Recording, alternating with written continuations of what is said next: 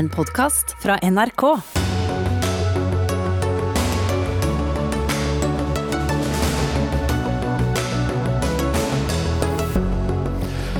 Det blir dyrere å bruke bil, det blir dyrere å eie bolig, det blir dyrere å bruke tobakk. Men det går veldig bra med Norge, altså. Så bra at man kan skru igjen oljepengekrana litt. Solberg-regjeringen har levert sitt siste forslag til statsbudsjett og bedt om avskjed. Hva gjør Arbeiderpartiet og Senterpartiet med Solberg-regjeringens forslag til statsbudsjett? Hvor mye må de endre for at SV blir fornøyd? Og hvis SV er fornøyd, er da Senterpartiet fortsatt fornøyd? Spennende budsjettdager i vente. Bilforeningene er uenige om det kom dårlige eller gode nyheter med at det blir dyrere å ha bil. Og redaktør i Magasin vil omgå Vær varsom-plakatens punkt om samtidig imøtegåelse når hun omtaler voldtektssaker. Det er ikke greit, sier Redaktørforeningen. Velkommen til Dagsnytt 18 på selveste budsjettdagen, der 13,5 kilo med papir er hovedtema. Jeg heter Espen Aas.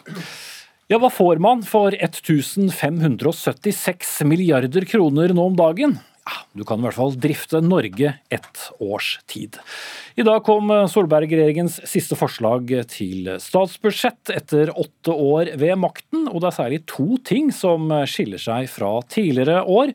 De slipper å forsvare det i Stortinget fremover, og de trengte heller ikke å bli enige med Frp om hvordan det hele skulle se ut. Og nå har den påtroppende Støre-regjeringen fire uker på seg den til å bli enig med seg selv, når de 10. november senest kommer med en tilleggsproposisjon. Mer om det straks, men først Jan Tore Sanner, finansminister.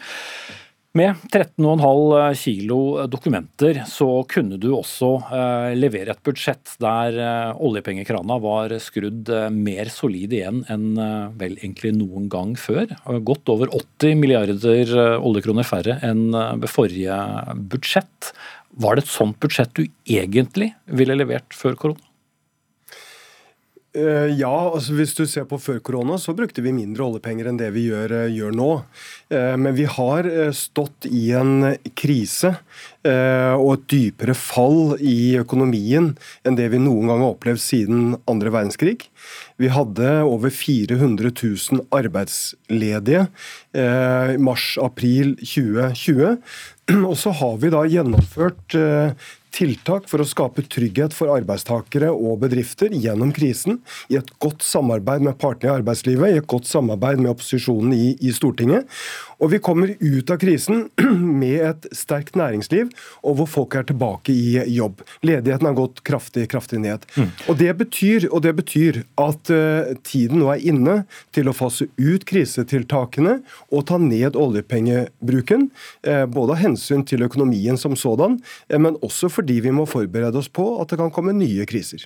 Som jeg sa innledningsvis, så er det også det første budsjettet som dere leverer uten å måtte være enige med Fremskrittspartiet først. Det er jo ganske mye her du ikke kunne kommet med i forslag til statsbudsjett i de foregående årene? Det statsbudsjettet som er lagt frem nå, mener jeg er et veldig godt budsjett. Eh, som eh, innebærer eh, stor satsing på, på arbeid, på, på, utdanning, på grønn eh, omstilling. Og så er det selvsagt slik at hvis vi skulle forhandlet med Fremskrittspartiet i Stortinget, eh, så måtte også Fremskrittspartiet fått betydelig gjennomslag.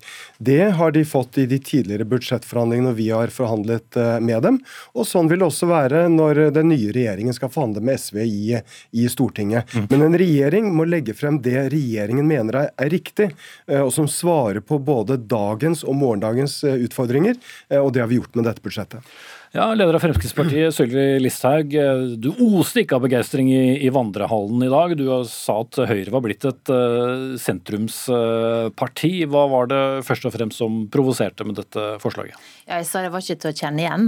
Når vi kom inn i regjering sammen i 2013, så var noe av det første vi gjorde, var å fjerne arveavgiften. Det siste statsbudsjettet som de nå leverer, inneholder en rekke rekke avgiftsøkninger. Den verste er jo selvfølgelig det som går på diesel og bensin. Eh, de fleste som har vært innom en bensin- og dieselpumpe de siste dagene, vet at eh, prisene er skyhøye fra før. Men det er ikke nok for Høyre, og derfor så sender de ekstra eh, regning til bilistene, i tillegg til å øke engangsavgiftene. Mm. Hvis vi holder oss bare på de... Budsjettvinnerne i dette budsjettet er jo klima, det er bistand, det er sløsing med penger, det er økte avgifter. Istedenfor å satse på å rette opp i mange av de tingene som men, vi trenger å ta tak i. Men bare holde deg litt ved, ved dette ved, ved, ved, bilavgifter. For, fordi Interessant nok da, så inviterte vi jo Senterpartiet og hadde egentlig avtale om at de også skulle komme hit i dag. men uh, største stortingsgruppen i nærmest i manns minne, men ingen kunne komme og kommentere budsjettet. Men eh, hvis Senterpartiet hadde sittet ved siden av deg, for de er jo enige med dere, særlig når det gjelder bilavgifter, hva, hva, slags råd ville du gitt til Senterpartiet når det gjaldt da bl.a. denne økningen i bensin- og dieselavgift? Det Fremskrittspartiet har sørga for i alle de åra vi har hatt en hånd på rattet å holde disse avgiftene nede. Eh, så det er klart at det ville råda dem til, var jo å nå sikre og gjennomføre det de har lovt velgerne sine, nemlig at eh, bensin- og dieselavgiftene skal holdes eh, nede. Så er de jo avhengig av SV, og vi vet jo at avgiftsiveren der er ekstremt høy. Spesielt etter da å straffe bilistene. Så jeg frykter jo det, men jeg håper virkelig at Senterpartiet greier å levere. fordi at dette vil ramme veldig mange bilister knallhardt, de som er avhengig av bilen rundt omkring i Norge. Ja, Kari Elisabeth Kaski, finanspolitisk statsperson da i, i, SV. Det er jo i utgangspunktet dere som skal sikre det litt omarbeidede budsjettet et flertall en gang før eh, jul. Men akkurat de økte bensin- og dieselavgiftene var vel fint? Så, nå har vi eh, fått et borgerlig budsjett presentert i dag som kommer til å fortsette å øke forskjellene i Norge. Man viderefører de store skattekuttene til landets aller rikeste. Så det er ikke et budsjett med noen som helst slags sosial profil der folk flest prioriteres. Men. Eh, så mener vi at eh, det som ligger der i miljøavgifter, det går i riktig retning. Men vi må ha bedre modeller for å kompensere folk. SV har jo fremma et forslag om en grønn folkebonus, som vi mener er en god modell i så måte, som, som, vil sikre at folk med vanlige og lave inntekter kommer ut i pluss. Eh, og så skal vi huske på at budsjettet også viser at utslippsgapet fram mot 2030 øker. Så vi har fått eh, egentlig her en beskjed om at man må intensivere klimainnsatsen betydelig, og det mener jeg et rød-grønt flertall er nødt til å levere på. Men Egil eh, Knutsen, stortingsrepresentant fra Arbeiderpartiet. Det kan jo bli en interessant balansegang for dere. Vi vet at Senterpartiet ikke er begeistret for en sånn avgift. Eh, SV syns at det går i riktig retning, og dere har en litt sånn delt holdning hvor det ikke skal ramme deg hvis du bor på, på, på bygda. Men problemet blir vel er, er, SV godt fornøyd, så er ikke Senterpartiet så godt fornøyd, og, og omvendt? Ja, Nå ser vi jo veldig fram til morgendagen, da, hvor den eh, påtroppende Støre-regjeringen skal eh, offentliggjøre sin eh, plattform, Hurdalsplattformen. Eh, det blir eh, veldig spennende. Der kommer vi jo til å, å legge fram en rettferdig eh, klimapolitikk som kutter utslippene, når 2030-målene og sørger for at den er rettferdig og ikke øker forskjellene. Så er det jo veldig interessant å høre på Sylvi Listhaug. Altså, mens Frp satt i regjering, økte avgiftene i Norge med 6 milliarder kroner. så Eh, å, å spille høy og mørk nå er sikkert eh, enkelt, men eh, resultatene fra da de selv satt i regjering, er altså kraftig økte avgifter. Men nå er det jo fremover vi gjerne vil se, og da er jo spørsmålet er dette et forslag fra den avgående regjeringen som, som Arbeiderpartiet vil kunne støtte? Det skal vi jo se på nøye når vi skal komme inn i regjeringskontorene og lage det som heter en tilleggsproposisjon, eh, som vi skal levere til Stortinget i løpet av eh, november. Eh, I den tilleggsproposisjonen så er det eh, ikke ubegrensa med hva en klarer å endre fra den avgående regjeringens eh, budsjett. Dette er jo i samme situasjon som, som Jan Tore Sanner og Sylvi Listhaug var i, i 2013. Eh, Men du har kanskje skal, sett noe du vil endre? Eh, jeg har sett ting jeg ønsker å endre og kommer til å, å spille inn det, selvfølgelig. Og så skal vi levere et godt forslag til Stortinget i november, og så skal vi sette oss ned sammen med SV og eh, ta landet i en riktig retning. Og ikke minst, som eh, Kaski var inne på, få ned forskjellene mellom folk. For det bidrar jo dette budsjettet til det motsatte. Men hva er, hvis dere er opptatt av å eh, gjøre noe med disse forskjellene, hva er det første dere vil gå i gang med? Jeg skal ikke foregripe hva den nye påtroppende okay, men, men, men et eksempel som det går an å gå i gang med, er jo å se på Eh, skattesystemet. Eh, Jan Tore Sanner sine tabeller i sitt budsjett i dag viser jo at det er de med de høyeste inntektene som kommer best ut av skatteopplegget i dette budsjettet. Og da i tillegg til de åtte årene med borgerlig skattepolitikk som har økt forskjellene. Den utviklingen må vi snu i årene som kommer. Mm. Ja, Sander, du har jo påpekt siden tidlig morges at eh, det er jo ikke rare greiene man får flyttet på i, i budsjettet her heller. Så du ser kanskje ikke for deg så store endringer i løpet av de neste ukene? Jeg har veldig stor respekt for den krevende jobben jobben som nyregjeringen skal i gang med. Husk at eh, jeg og regjeringen har hatt gleden av å jobbe med dette budsjettet i ett år. Eh, de nye statsrådene vil få noen få dager eh, på å gjøre endringer i sitt eget budsjett. Så jeg kommer til å gi regjeringen arbeidsro på dette området i noen tid fremover. Og så skal vi se på hva de kommer med. Men jeg må få lov til å kommentere spørsmålet om økt CO2-avgift. Hvorfor foreslår vi økt CO2-avgift? Jo, fordi vi står i en klimakrise. Eh, vi har et ansvar for å få klimautslippene videre ned, globalt, men også nasjonalt. Vi la frem en klimaplan i januar hvor vi sa at CO2-avgiften skal opp til 2000 kroner per tonn i 2030. Da kan vi ikke lene oss tilbake og si at nei, det passer ikke i år, eh, vi gjør det til neste år eller året etter der.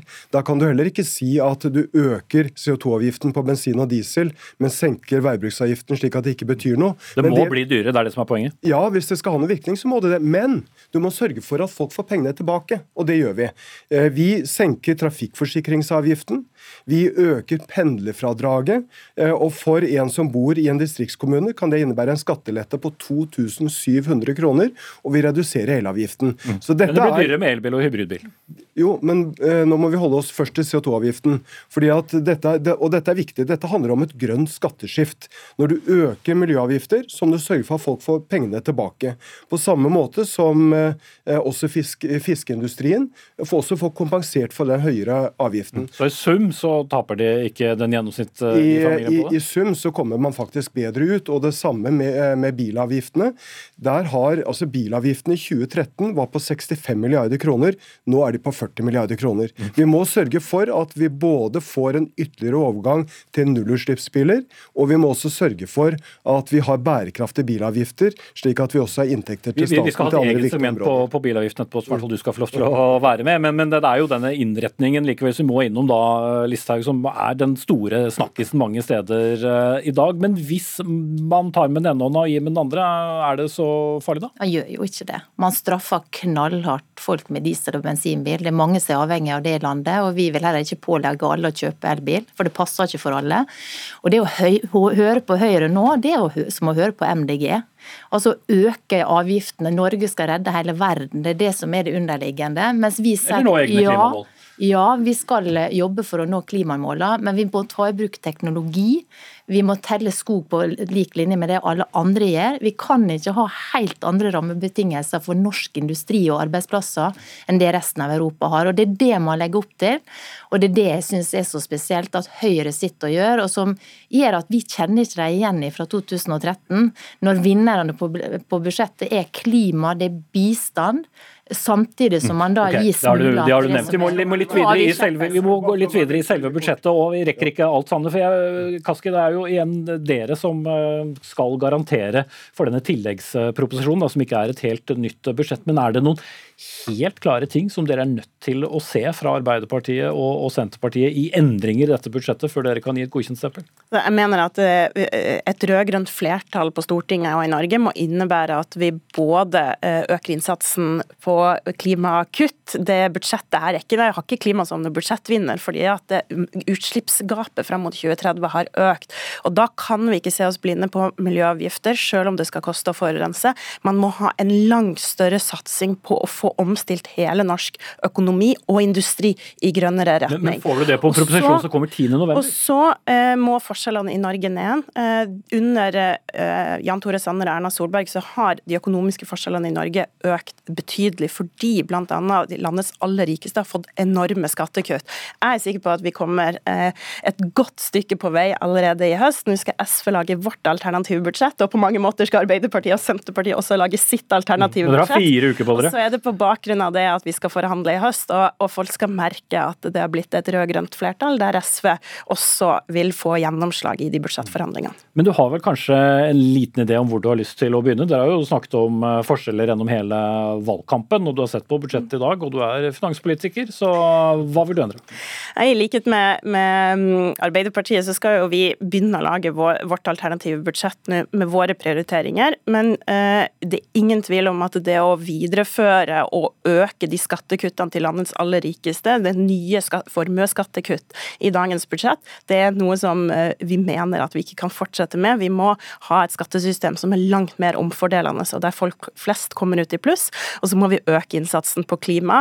Eh, miljøavgifter er én del av det, men det er også veldig mange andre tiltak som vil omstille norsk industri og næringsliv, som vi må komme i gang med. Mm. Men så skal det jo bli dyrere å eh, eie en utleiebolig. Det blir dyrere for de dyreste boligene i form av at formuesskatten vil øke på boliger over 15 millioner.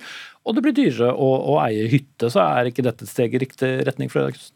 Vi skal se på alle de detaljene, men, men, de store pengene på skattekutt i dette budsjettet og i de tidligere budsjettene har jo gått til disse store formuesskattekuttene, eh, som øker forskjellene veldig betydelig. og Det går jo bedre i norsk økonomi nå. sant? Men, men det, er jo, det, er jo, ingen fagøkonomer eller andre som mener at det er et skrikende behov for at aksjer og næringseiendom må få lavere skatteregning. Eh, det er jo helt feil medisin ut av en krise som vi vet har økt forskjellene. Det har økt langtidsledigheten. Det er mange som har slitt med ulike ting, psykiske problemer utenforskap. Eh, det er de, de utfordringene vi må ta fatt i nå. Og, og det at de med store aksjeformuer eller store former i næringseiendom skal prioriteres så sterkt og være en budsjettvinner, for å bruke Sylvi Listhaug sine ord, det er helt feil oppskrift ut av pandemien. Jeg må bytte ut deg med en annen gjest, vi kan bare være fire i studio av gangen. Sylvi Listhaug, men så klarer å være kort eh, helt til slutt når det gjelder skatteinnretningen her. Eh, kort kommentar til den. Ja, altså Det er jo beskjedne skattelette, men det vi er mest opptatt av er å få redusert avgiftene. Fjerne elavgifta, strømprisene er på vei opp, renta er på vei opp, bensinprisene og dieselprisene er på vei opp som følge av det man gjør her, pluss at oljeprisen er høy. Nå, hvis det er vanlige folks tur, ja, så må avgiftsnivået ned. Og da håper jeg virkelig at Senterpartiet og Arbeiderpartiet gjør en jobb på det, for det er definitivt ikke Høyre og regjeringa gjort skatteopplegget, Sander. Hva, hva, hva, er tanken bak også med både boligskatt og, og da elavgiften som, som, senkes med 9 ja, Det viktigste vi gjør er å senke skatten på de laveste inntektene eh, gjennom et jobbskattefradrag for unge i etableringsfasen og de med de laveste inntektene. Eh, men også eh, det vi gjør på inntektsskatten på de laveste inntektene, på trinnskatt trinn 1 og trinn 2. Eh, så er det slik at i 2013 Eh, da fikk du lavere formuesskatt ved å investere i en ekstra leilighet enn å investere i en norsk bedrift og norske arbeidsplasser. Nå har vi da redusert formuesskatten på eierskap i norske bedrifter og arbeidsplasser, og så har vi økt den på de som kjøper en ekstra leilighet. Det er, en, mener jeg, en riktig innretning, eh, ved at vi skal prøve å vri sparingen fra en ekstra leilighet til å satse mer på, på, norsk eh, eierskap.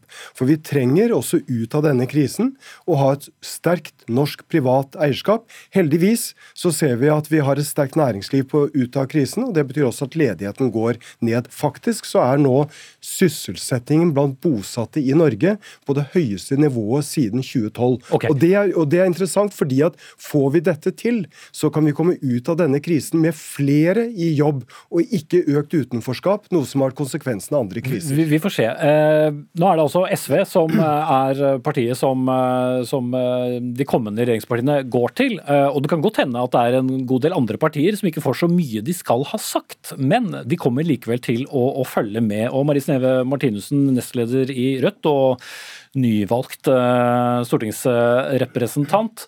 Dere kommer jo selvfølgelig til å følge med på hvor langt SV drar eh, den påtroppende regjeringen eh, mot Venstre, men jeg er sikker på at du har en viss idé om hvor langt?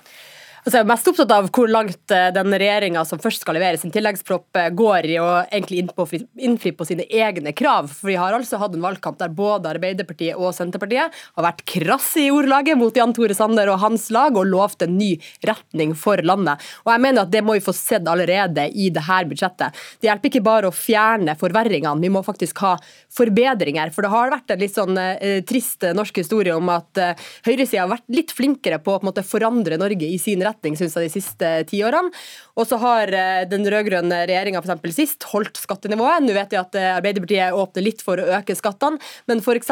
sånn som formuesskattekuttet som har vært eh, kritisert her fra Arbeiderpartiet og SV, er jo Rødt også eh, veldig for at man skal reversere, men vi vil jo gjerne at man skal gå lenger enn det og øke formuesskatten. fordi Høyre, Arbeiderpartiet og Senterpartiet har jo på en måte tatt på seg en slags frivillig tvangstrøye, som er det her skatteforliket med høyresida som de inngikk i 2016. Rødt sier at hvis man opphever det, så kan vi ha råd til f.eks. å gi folk kraftfulle ting på tannhelse, som er en viktig velferdsreform, som langt inn i fagbevegelsen og langt utafor Rødt sin egen velgergruppe Men det skjer vel ikke innen 10. november, tror jeg? Altså, de, Alle disse partiene har lagt fram alternative budsjetter. og jeg, jeg, skjønner at det er mye arbeid å skulle snu på ting i et budsjett, men det er også mange store, viktige ting. La meg f.eks. nevne ABE-reformen, som regjeringa Jeg har ikke tid til å gå inn på den, for jeg vil spørre Eigil Knutsen om noe mot slutten. fordi nå har jo eh, regjeringen valgt å gå ganske mye under handlingsregelen på 3 eh, og utregninger kan vel tyde på at dere, dere kan bruke opp mot 50 milliarder mer og likevel holde dere til handlingsregelen. men er dere interessert i å fortsatt holde budsjettet stramt? Ja, altså, Handlingsregelen er jo et tall på, på 3% men den sier jo også at du skal bruke eh, penger tilpasset den økonomiske eh, situasjonen. Så, så, det er jo ikke noe sånn at du, du skal bruke 3 uansett hvis det går veldig godt eh, i økonomien. Og så er jo 2,6 nå eh, fortsatt mye penger. Det er 80 milliarder kroner mer enn det forrige normalbudsjettet Stortinget vedtok for 2020, eh, så det er mye penger. Eh, men nøyaktig hvor mye en ny regjering er kommet til å bruke, det kommer vi tilbake til i tilleggsproposisjonen mm. om eh, noen uker.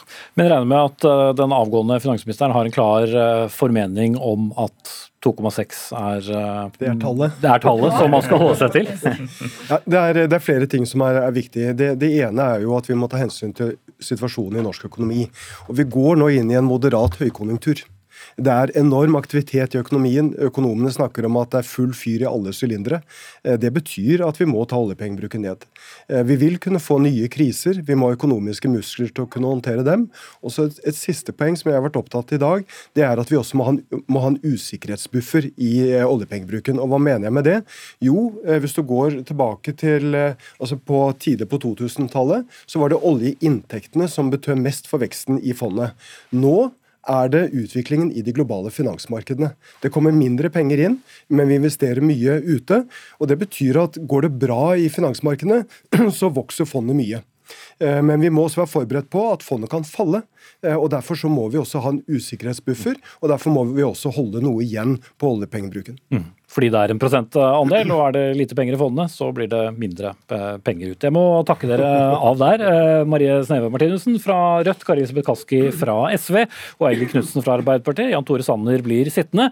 Så er det jo ikke alle partier vi har hatt kommentarer fra, herunder Venstre og KrF, og for så vidt Pasientfokus, men ei heller altså Senterpartiet, som ikke fant noen til å kommentere budsjettet i Dagsnytt 18 i dag.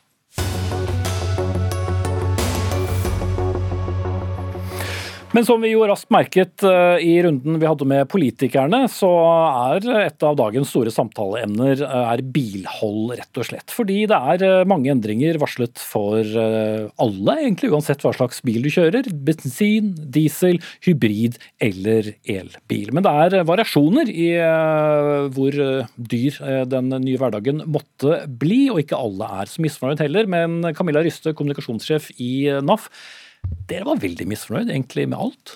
Vi syns at dette er en veldig dårlig avskjedsgave som Sanner gir til alle som er avhengig av å bruke bil for å få sin hverdag eh, til å gå opp. Det blir dyrere både å bruke bilen og det blir dyrere å kjøpe bil. Så hører jeg Sanner i forrige debatt si at uh, dette er nødvendig for å få uh, klimagassutslippene ned.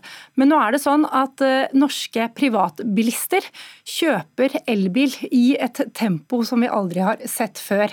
Så den overgangen vi ser til elbil nå, den kan nesten ikke gå raskere enn den går akkurat nå. De siste månedene har så mye som ni av ti privatpersoner som kjøper seg ny bil, kjøpt en elbil.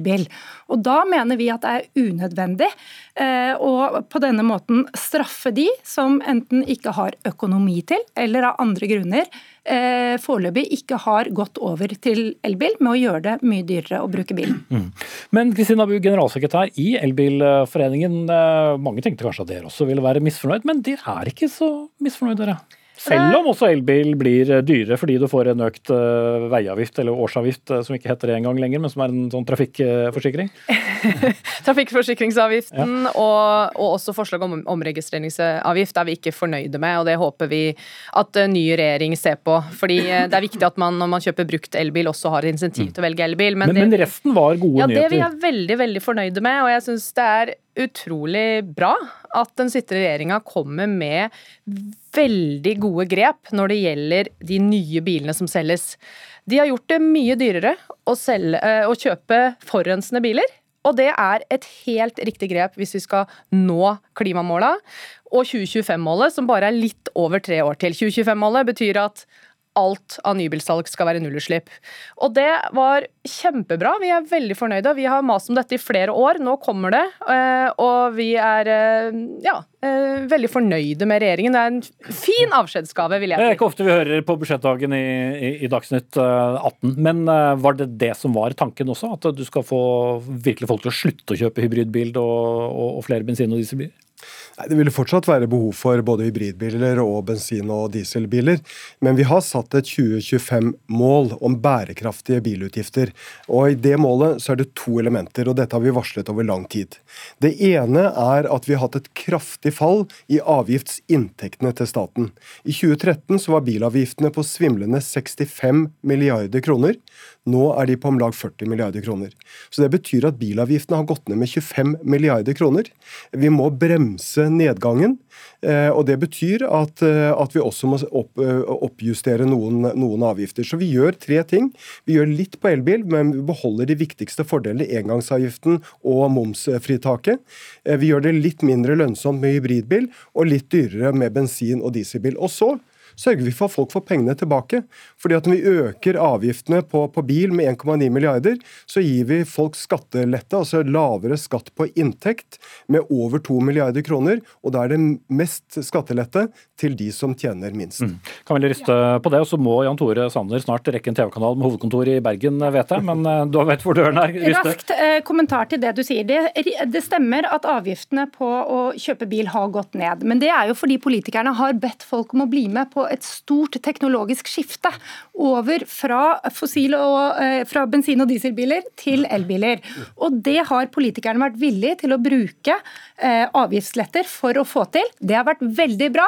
Nå ser vi slutten på dette. Nå begynner dere å skru til avgiftsskruen. og, så vil jeg bare legge til en ting til, at i samme periode har jo bompengene også økt. Så totalt betaler bilistene rundt 50 Men, milliarder kroner i året NAF, i avgifter. NAF, NAF bør være kjent med at vi har varslet varslet eh, et eh, mål om bærekraftige bilavgifter innen 2025 som inneholder begge disse to elementene. Både at alle biler skal være nullutslippsbiler, nå er det 60% men også at vi må bremse det kraftige fallet i avgiftsinntektene til, til, staten. Dette har vi varslet, dette har Stortinget sluttet seg til, og nå følger vi, følger vi også opp. Vi sørger for fortsatt å ha sterke insentiver for nullutslippsbiler, men vi må også sørge for at vi bremser dette sterke fallet i avgiftsinntektene. Mm. Men uh, Bu, kan da alle ha elbil? Jeg vet om eh, flere i fylker nordpå som ville være svært eh, tvilende til at de har noe særlig annet valg nå enn å måtte betale mer for bilhold. I nord kjøper de også elbil som aldri før. Det er rekordsalg i hele landet. Eh, som Camilla også nevnte, eh, over, 8, eh, over 90% de siste månedene har, av de som kjøper bilen sjøl, altså da ser vi bort fra næringslivet, de velger nå elbil. Og også i Finnmark og i distriktene. Så jeg eh, stusser jo over at NAF er så kritisk til å øke avgiftene på salg av de forurensende bilene. Det betyr jo egentlig at de ikke støtter 2025-målet. Hvis vi skal nå 2025-målet, som må være tre år til, så må vi fase ut de bilene Så som Svar på det forurenser. med 2025-målet, Ruste. Ja, jeg, vi støtter 2025-målet. Jeg syns det er interessant denne rosen av Sanner og kritikken av NAF som Elbilforeningen fremmer i dag. Og jeg tror at om en liten stund så kommer Elbilforeningen til å eh, se seg i bakspeilet på dette og se at den kritikken ikke står seg. For det dere ikke ser i dette store bildet, er at ved nå å øke avgiftene på eh, hybridbiler, så vil politikerne tidligere kunne øke avgiftene på elbiler. Så dette er starten på en avgiftsspiral på elbiler som vil gjøre det dyrere for de som foreløpig ikke har kjøpt seg elbil, å kjøpe seg en elbil. Det er jo en påstand som får stå for egen regning, men altså poenget vårt er at forurensende biler må vi fase ut. Det er vi helt nødt til hvis vi skal nå klimamåla. Vi når ikke 2025-målet hvis vi fortsetter å ha store avgiftsrabatter på ladbare hybrider. Det er det det er i dag. Det er store rabatter i engangsgiften. Over halvparten av de Og de ladbare er ikke hybridene miljøvennlige nok. de, de går på bensin, diesel, eh, og over halvparten av de ladbare hybridene som er solgt så langt i år, har null engangsavgift. Er det riktig? Altså Det vi ser i dag er starten på en avgiftsspiral som kommer også til å gi en kraftig avgiftsøkning på elbiler i årene fremover. Og Ved nå å sette opp avgiftene på hybridbiler, så blir dette lettere for politikerne å gjøre tidligere. Hvorfor- hvorfor vi har anbefalt er- politikerne å vente med å innføre eh, avgifter på elbiler til 2024. Da kan man starte å innføre det gradvis. Uten at du må justere opp avgiftene på alle andre biler i tillegg. Vi når ikke Det ville vært en 2025-målet om vi skal måte. vente til 2024 med å fase ut de forurensende bilene. Vi, Vi når i ikke ferd- 2025-målet. Det er utrolig Vi når Vi er i ferd med å nå 2025-målet innenfor privatbiler allerede nå. Ja, Vi er ikke det hvis vi har store rabatter på ladbare hybrider. De selger 22% av bilene som er solgt så langt i år, er ladbare hybrider. Vi har nødt til å fase ut den teknologien så raskt vi kan. Jo raskere vi kommer til 100% elbilsalg i nybilmarkedet, jo raskere når vi klimakutta vi skal. Og Det dere foreslår, er egentlig å låse forbrukerne inn i en forurensende og dyr teknologi, hvor de blir tvunget til å ha, eh, fylle bensin og diesel. Det vil ikke folk i distriktene heller. Mm. Vi må heller legge til rette for at de i distriktene også kan velge elbiler. Elektrisk eh, stemning her nå. Dårlig ordspill, beklager det allerede. Men jeg sier takk til Camilla Ryste, kommunikasjonssjef i NAF og Kristina Bu, generalsekretær i Norsk Elbilforening.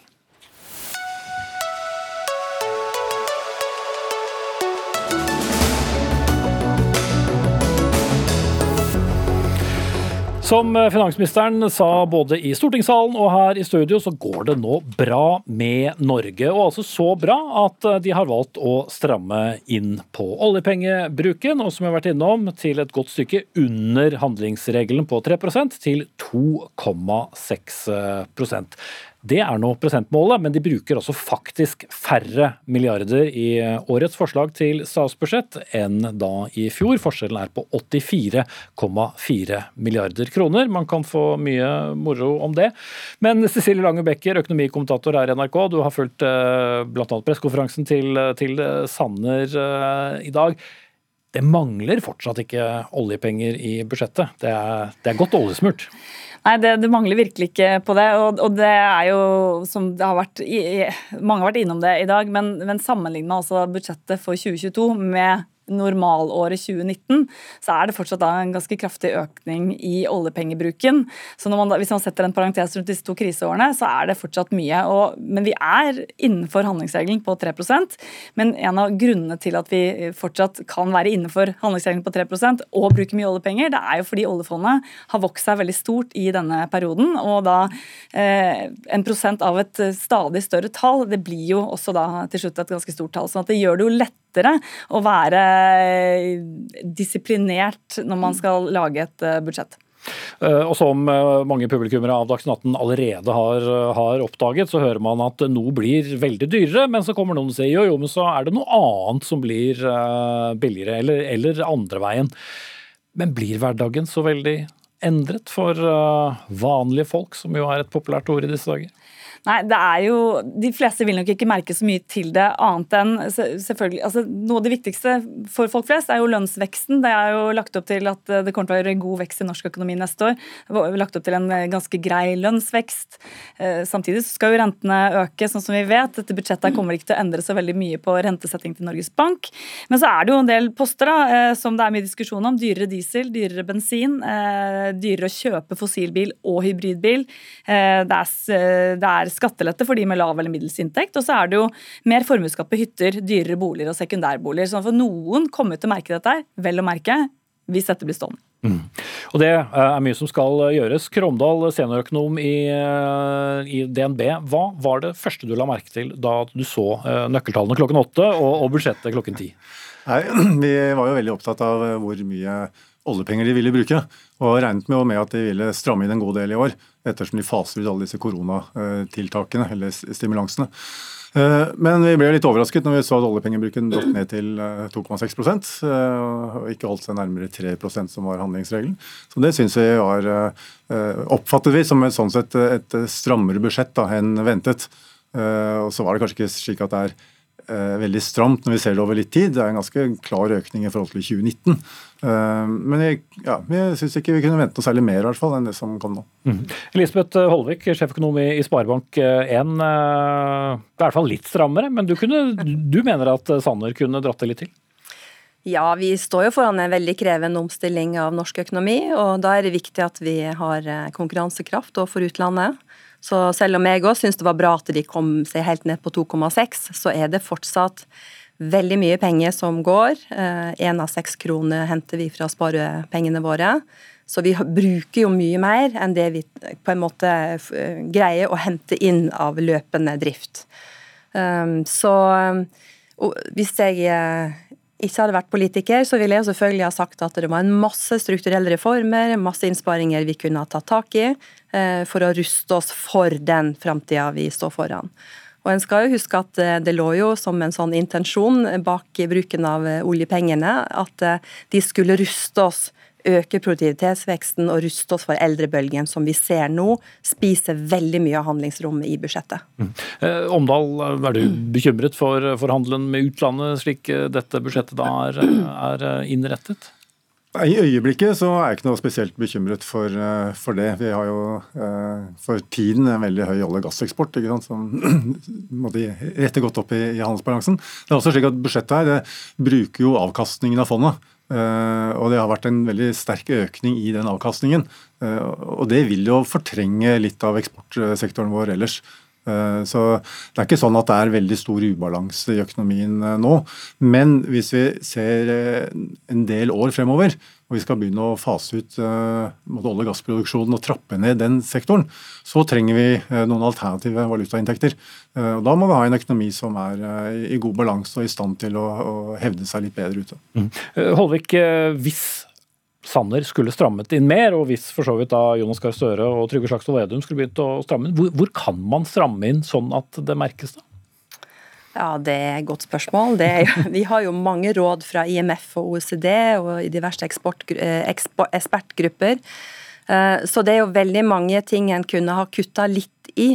Eh, og det som bekymrer meg litt, er jo at det er veldig mange som har sin lønn, både direkte og indirekte, og i, fra statsbudsjettet. Uh, og det er jo Med sentraliseringstrenden så har jo det blitt i de store byene. Så presser det opp boligprisene. Og så blir det kanskje en ubalanse og en, us, en, ustabilitet på sikt. Skal jo huske at En viktig grunn til at vi kan ta så mye penger inn fra oljefondet, er jo at kronekursen har svekka seg kraftig. Og det løfter verdien av oljefondet. Eh, og det gjør det bedre for konkurranseutsatt sektor.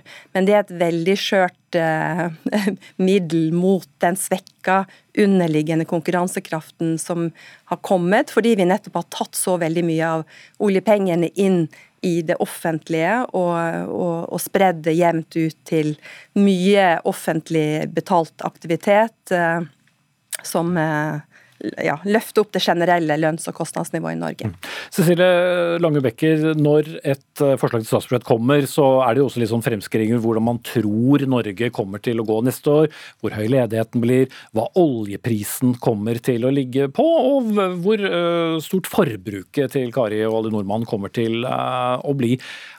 Og det er en ganske positiv finansminister og departement som har laget dette budsjettet. Faktisk delvis mer positiv enn Norges Bank nylig. Ja, de, de, fleste jeg har snakket med sier ja, det var, det var jo voldsomt. Det er også mer positivt enn NHO og LO. De ligger, altså, de ligger inne med en forbruksvekst på 11% neste år. Eh, som jo, det er høyt. Det, det, er den høyeste veksten i forbruket vi har hatt eh, siden midt på 80-tallet, da vi hadde denne jappetiden. Og Grunnen til det er jo selvfølgelig at vi har spart veldig mye penger under pandemien. Vi har ikke kunnet bruke penger på eh, så mye som vi har kunnet bruke penger på før. sånn at det er dette spareberget som man snakker mye om, som nå skal eh, settes ut i livet nær sagt. Eh, og det er allerede i ferd med å skje, og også i 2022. og Det er jo det også regjeringen forventer nå, at det kommer til å bidra til å eh, styrke veksten i norsk økonomi da, gjennom neste år. Mm. Hvis vi ser da på oljeprisen, eh, Omdal, er, er regjeringen her litt for forsiktig ut fra hvordan oljeprisen har utviklet seg i det siste? Ja, de, de, er jo ofte litt forsiktige med anslagene sine på, på oljepris. Det er de man tar ikke sjansen på å budsjettere med veldig høye priser. Men de har jo løftet eh, anslaget noe, eh, og så har de også løftet eh, anslaget på gassprisen en god del. Og Det er særlig den som har steget mye i, i år, og som gir sterke, en sterk økning i, i petroleumsinntektene til, til, staten. Når de ser lenger fram, så legger de, til, så, så legger de til grunn de anslagene de hadde i perspektivmeldingen, som nå kanskje i øyeblikket ser litt lave ut, men som ikke nødvendigvis er så lave litt lenger fram. Ja, Holvik, Det lønner seg jo alltid å være Norge, ser det til. Og, og akkurat nå så, så, kan jo også Støre og um, Slagsvold Vedum også sitte ganske musestille, og likevel så fortsetter det å, å, renne inn med penger. Ja da, de satser på flaksen, og det viser seg å slå inn hver gang. Eh, og det er klart, eh, mange av bedriftene i Norge er jo knytta opp til å levere til eh, energi, til olje, gass. Eh, og transport. Så veldig mange bedrifter er jo nå inne i en veldig god steam. Det satses masse på det grønne skiftet. Så det er stor optimisme, og det vil jo løfte skatteinntektene og gjøre at eh, handlingsrommet for den nye regjeringa kommer til å være veldig god. Eh, og da er det jo å håpe at de passer litt på å bruke det til investeringer og ting som løfter produktiviteten og øker sysselsettinga, heller enn å, å på en måte bare løfte prisene og eh, prispress.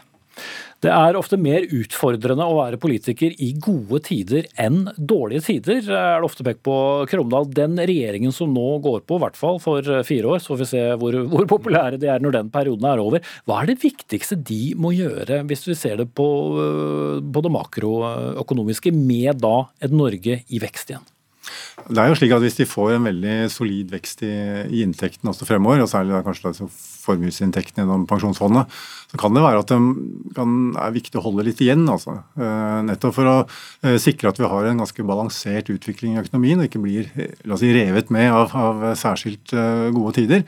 Det er også slik at det pensjonsfondet vi har, som vi nå nyter en høy avkastning av, det kan fort falle en god del i verdi. Eh, og da er det dumt å ha basert seg på altfor høy bruk av, eh, av, oljepenger. Så det å være litt eh, nøktern og, og forsiktig i et sånt måte, en, en, situasjon hvor økonomien ellers går veldig bra, det, det tror jeg er fornuftig. Mm. Festen er ikke over, det er oljepenger igjen. Takk til Kyrre Omdal, Elisabeth Holvik fra henholdsvis DNB og Sparebank1, og vår egen Cecilie Langen Bekker.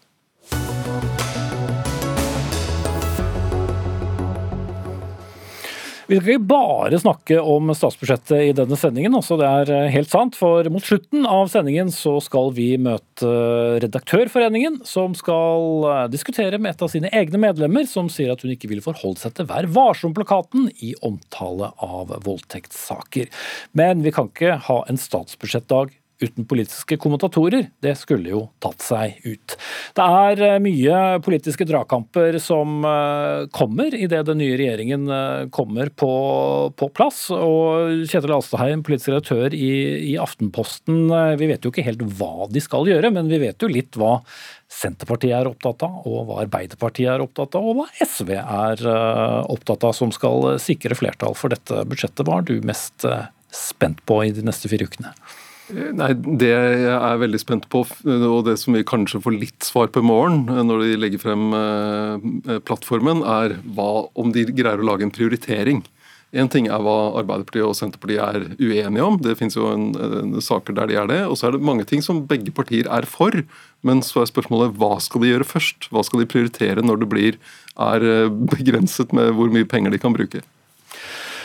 Det er jo en liste mange, mange gleder seg til. Siv Sandvik, politisk redaktør i Adresseavisen. Eh, du har jo slått fast nå i ettermiddag at den som skal lede arbeidet i, Stortinget, det er eh, Marit Arnstad, som ikke skal eh, inn i, i, i regjering. Hvor vanskelig jobb får hun med å få med seg SVs medlemmer? For de er naturlige fiender på en del områder?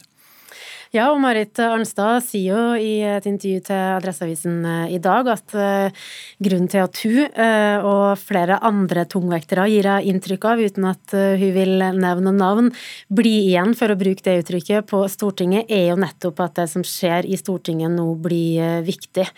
Og det at de møter Marit Arnstad rundt forhandlingsbordet i, i tøffe saker, tror jeg gjør jobben vanskeligere for SV. For hun minner jo også om om i det her intervjuet som eh, hun gir eh, til Adresseavisen i dag, at eh, Lysbakken sitt mantra om at det er ikke noe flertall uten SV, det er jo ikke helt sant. Hun minner SV om at også dem har et ansvar, og om at det ikke er mulig for en norsk regjering å skrive ut nyvalg. Og når hun sier det hun sier der, så er det jo en, en klar mening der om å minne SV om at det er mulig også for regjeringa som eh, straks eh, står på Slottsplassen og finner flertall andre steder. Selv om vi selvfølgelig understreker at han skal gå til SV først. Mm. Og så på litt lenger ut til venstre så står jo da Rødt og eventuelt eh, sanker velgere etter hvert som SV må ta sine tap, da, Alsheim. Ja, Det blir jo spennende hvordan den dynamikken blir egentlig på hele venstresiden. Om Arbeiderpartiet mister til SV, om SV ved å inngå avtaler med regjeringspartiene mister til Rødt, eller om SV greier å markere tydelig hva er det de faktisk får til ved å gå inn i forhandlinger. Jeg tror, jeg tror det er noe av grunnen til at SV endte der de gjorde. At de så at det ble for store tap ved å gå inn i regjering, og at de kan få synligere seire utenfor regjering. Eh, og så får vi jo en spennende runde på Stortinget når eh, de tre partiene skal forhandle.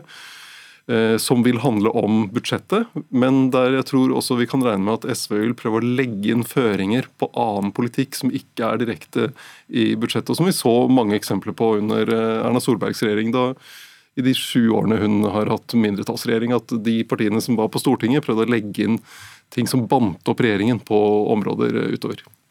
Nå er det jo kort tid frem til denne tilleggsproposisjonen. da, Sandviken, ut fra det du eh, refererte Marit eh, Arnstad på, så er det vel ikke helt unaturlig å, å se for seg at i hvert fall mange i Senterpartiet, og hvem vet, kanskje noen i Arbeiderpartiet også, etter hvert vil tenke at eh, det er vel så lett å begynne å søke støtte andre veien? Altså det viser jo den skvisen som eh, SV står, i. De kan ikke bare markere seg eh, på sine saker sånn som eh, Rødt gjorde. De, jo, de var jo med på hele 13 representantforslag i dag. Det var åtte ulike Rødt-politikere opp på talerstolen for å legge fram sine forslag. Så SV må vise at, at, de kan også stille hardt mot hardt, men er de for hard, så kan de jo bli beskyldt eh, for å sende regjeringa eh, den andre veien. For det jo, hvis det nå skjer da, eh, en gang i framtida at de går til høyresida på saker der de først prøvde med SV, så er det jo ikke uventa at både Senterpartiet og Arbeiderpartiet vil legge, prøve å legge skylda for det på SV. Vi prøvde med SV, vi fikk det ikke til. og Det, det har jo en liten parallell til det vi så på i Hurdal, der SV til slutt ga seg, ville ikke bli med på flere samtaler. Eh, deres historie er jo at de ble avkrevd noen eh, avklaringer fra Senterpartiet som de ikke kunne være med på, mens Senterpartifolk snakker om at eh, nei, SV ville ikke, så da ble det ikke sånn. Mm. Og så tror jeg Det vil være litt ulikt hvor problematisk det er at en Arbeiderparti-Senterparti-regjering går da til høyresiden, f.eks. For i forsvarspolitikk. Stortinget skal behandle en samarbeidsavtale mellom Norge og USA som Rødt er veldig kritisk til, og som SV er veldig kritisk til, men der Arbeiderpartiet og Senterpartiet vil støtte den og kan finne støtte på høyresiden. Og Det er nok sannsynligvis like greit at de bare gjør det. og også da spørsmål knyttet til selvfølgelig EØS og alle relaterte saker den veien. Ja, EØS der vil de jo ha et problem internt først i regjeringen eh, mellom Senterpartiet og Arbeiderpartiet. Eh, jo, men oljepolitikken blir jo spennende. Hvor mye vil SV prøve å, å legge føringer på olje- og klimapolitikken i forbindelse med budsjettet, og hvor, hvor, eh, når kan da Arbeiderpartiet og Senterpartiet i stedet gå til Høyre, Fremskrittspartiet f.eks.? Mm. Det er jo et par ganske sterke Senterparti-stemmer, og for så vidt også Arbeiderparti-stemmer fra, fra, Trøndelag. da, Siv Sandvik, så det kan jo bli hardt, og nå kan vi ligge an til i hvert fall eh, noen av disse i, i, regjering. Men er det noen typiske stridssaker som du ser for deg som allerede kan dukke opp i løpet av disse fire ukene frem til tilleggsproposisjonen? Ja, du tenker internt i, eh, i regjeringa? Nei, altså, Der er jeg jo enig med det som blir sagt her om prioritering. Eh, og så er jeg spent på hvor langt de går. Altså når de skal de utrede ting, eller kommer de med mer eh, konkrete løfter? Eh, og så vet vi jo at eh, de er uenige på sykehuspolitikken, f.eks. Nå virker det jo ganske sikkert at Ingvild Kjerkol fra Nord-Trøndelag blir helseminister. Og hun har jo et helt annet syn på helsepolitikk i flere saker enn det Senterpartiet har, bl.a. fødetilbudet i Kristiansund og ikke minst Ullevål sykehus her i Oslo, hele helseforetaksmodellen. Jeg blir veldig overraska hvis de gjør noe med den, men eh, det blir spennende å se da i morgen. Realistisk sett, hvor annerledes blir den, det budsjettet som kommer gjennom eh, tilleggsproposisjonen 10.11. november senest? Det, altså, budsjettet er jo, er veldig mye budsjettet som er låst, altså folketrygd og Nav og, og, sånne ting. Men så er det jo viktige ting de kan flytte på med, med skatt. Og ikke minst vil jo både symbolsk og reelt bli veldig viktig hva som skjer med CO2-avgiften. Der det er uenighet mellom Arbeiderpartiet og Senterpartiet i utgangspunktet og der SV vil dra det i retning det regjeringen har eh, lagt frem. Så det, det blir en av de virkelig spennende sakene de neste ukene. Mm. Mer får vi ikke snakket om. 1576 milliarder i denne omgang. Takk til Kjetil Asheim fra Aftenposten og Siv Sandvik eh, fra eh, i alle dager Adresseavisen! Det er så mange eh, avishus i Trøndelag, men det kom til slutt. Takk skal dere ha.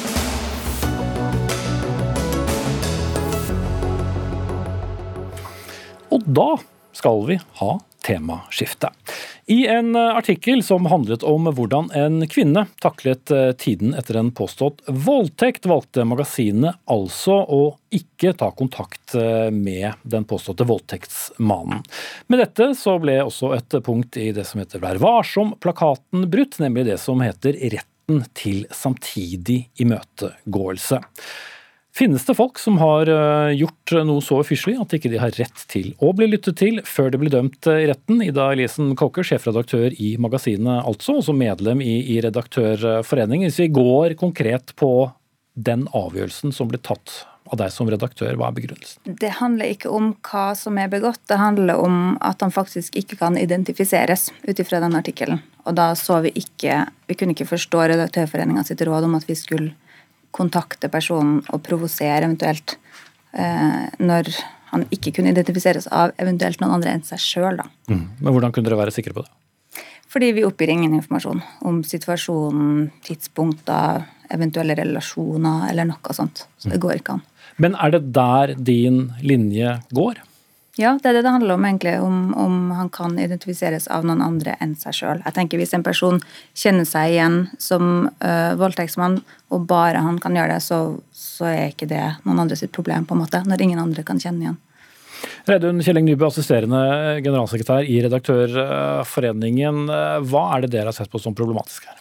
Ja, altså, For det første så er det jo sånn at han, eh, denne mannen er jo indirekte identifisert. Fordi eh, altså gikk jo ut med fullt navn på, på den, det offeret.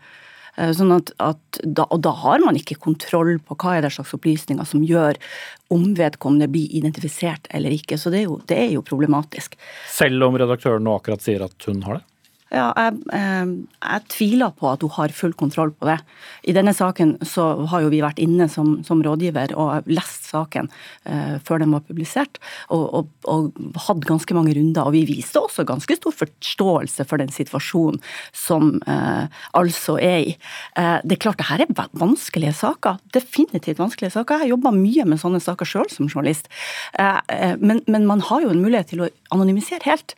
Ja, det, og, det, og, det, har jeg gjort. Jeg har intervjua kvinner på krisesenter mange ganger. Det er jo det rådet dere gir ja. i, den, i, den, kronikken dere svarte meg med. Men jeg mener jo at per i dag, hvis vi bruker den statistikken som vi har brukt, så har man jo egentlig allerede i dag nærmere 200 000 eh, voldtektsutsatte som faktisk er anonyme. Og det vi prøver å gjøre, er å, å løfte frem i lyset dem som orker, og la dem vise frem ansiktet sitt og navnet og bli ferdig med skammen. Mm. Det men, men, er det ikke da det blir problematisk, som, som Nybø viser til, med en gang du identifiserer offeret? Jeg, jeg, er uenig. Jeg er uenig i det, altså. At, mm. at, han kan identifiseres ut fra det. Jeg tror kanskje ikke de har lest den siste versjonen. Jeg syns de ga gode råd om at vi måtte anonymisere ytterligere enn det vi hadde gjort i utgangspunktet. Det var bra, men det punktet som de også henviser til Pressens faglige utvalg, som, som har denne holdninga også, om at man må gi den personen samtidig imøtegåelse selv om den er anonym. Det sier altså PFU i dag. Også det er det som er den etablerte standarden. Mm. PFU også pressens faglige utvalg. Men, men Nybø, hvor ofte er det redaktører velger å se bort fra råd fra egen forening og Vær varsom-plakaten? Nei, altså det, det, her er jo eh, det har Jeg, jeg, syns det er problematisk når redaktører sier at de med viten og vilje bryter Vær varsom-plakaten, sånn som Ida Elisen Coke gjør her. Det er ikke ofte at vi opplever det. Eh, men det er ofte vi får spørsmål om denne type saker, og det er mange som syns det er vanskelig.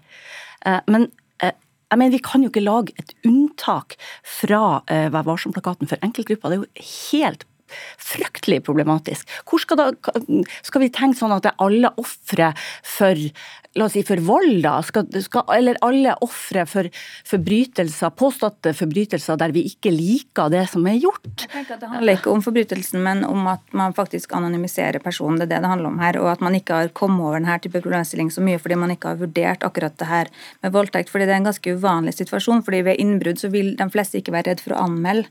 Eh, eller av andre grunner ikke anmelde. Men voldtekt er en helt spesiell situasjon der så mange ikke vil snakke om det. Men det her handler om anonymisering eller ikke.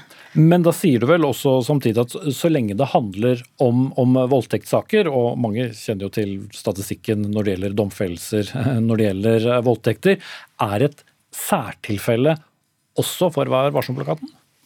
På en måte er det et særtilfelle fordi det trengs ekstraordinære tiltak. For det er et stort folkehelseproblem som ikke blir tatt nok tak i. Men det er ikke sånn at man skal være mindre etisk eller mindre presseetisk for voldtektsofre. Det er ikke det jeg sier. Jeg snakker om at så lenge ingen andre kan kjenne igjen personen, så skal man faktisk ikke utsette den personen som står frem for fare og ytterligere påkjenninger.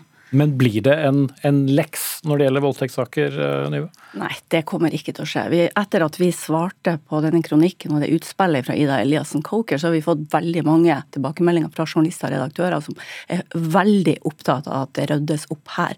Vi har altså kontradiksjonsprinsippet. Det står veldig sentralt både i presseetikken og i jussen. Eh, det der med at blir du utsatt for uh, alvorlige beskyldninger, så skal du ha muligheten til å svare for det. Enig. Det er helt sentralt i, rettsstat, i en rettsstat. Er det viktig, men når ingen vet hvem det er, så er det helt absurd. Men det vet ikke du, Ida. Jo, det vet jeg fra den teksten, men jeg er litt usikker på om du har lest den, den siste utgaven som faktisk ja. sto på trykk. Men, men, Ingen av seerne eller uh, lytterne har heller gjort det, så vi kan ikke gå inn i for mange detaljer. Men jeg har lyst til å gå litt tilbake til nettopp uh, det som handler om uh, voldtekt. Både fordi, som du har vært inne på, og som jeg også nevnte, det er en, en statistikk hvor det er vanskelig uh, å få dømt. Det er ofte påstand mot påstand, og så uh, blir det der. Gjør det det også vanskeligere å dekke saker som omhandler påståtte voldtekter pga. Vær varsom-plakatens eh, punkt om samtidig Ja, vi, vi, kunne jo ikke ha fulgt plakaten og, og, og, og, omtalt den saken på denne måten og løfta den fram og latt hun stå fram med navn og bilde. Det kunne vi ikke ha gjort. Men Vær varsom-plakaten er et dokument som er i stadig endring, og som oppdateres jevnlig. Og det er det jeg snakker om her, at man skal debattere det her og se om man kanskje skal endre på den biten og si at med mindre personen helt anonym, da trenger man ikke å Mm. For du er enig i at akkurat tilfellet voldtektssaker, og for så vidt eh, noen varslingssaker også, er annerledes enn mange andre kriminalsaker, hvis vi skal se det opp mot eh, straffeloven? Ja, altså Det her er vanskelige saker. Det er prisverdig at, at altså eh, velger å sette fokus på eh, voldtektsproblematikk. Det, det syns jeg er veldig bra. Men, men så begrunner dere det med at dere er opptatt av å ikke sette kildene deres i fare. Jeg mener at dere setter eh, kildene deres enda mer i fare når dere faktisk dere bruker fullt navn og bilde på ei kvinne. Dere har ikke kontroll på hvorvidt denne personen får opplys de opplysningene, eh, og som da kan reagere negativt på at vedkommende ikke har fått lov å komme til orde. Ja. Så i tillegg til, til, at dere setter kilden deres i, eh, i fare, så er det presseetisk problematisk. Og det, det tenk, det syns jeg dere skal tenke litt mer over. Det var en grundig vurdering som vi gjorde sammen med hun og kom frem til at det var eh, greit at det var liksom ikke en for stor risiko, men ved å kontakte en person og så komme med sånne anklager og provosere, så ville det være en stor risiko. Mm. Jeg må sette strek der. Eh, spennende tema. Eh, Ida Eliassen Coker, sjefredaktør i magasinet Altså. Reidun Kjelling Nybø, assisterende generalsekretær i Redaktørforeningen. Det var eh, dagens Dagsnytt 18, det. Ansvarlig for sendingen Anne Katrine Førli, Ragnhild Bjørlykke tok seg av det tekniske, og jeg som nesten mistet stemmen der, heter Espen Aas. Vi har ny sending i morgen. Takk for nå.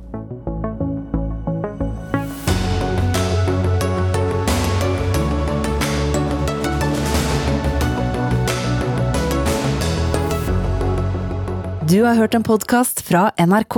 Hør flere podkaster og din NRK-kanal i appen NRK Radio.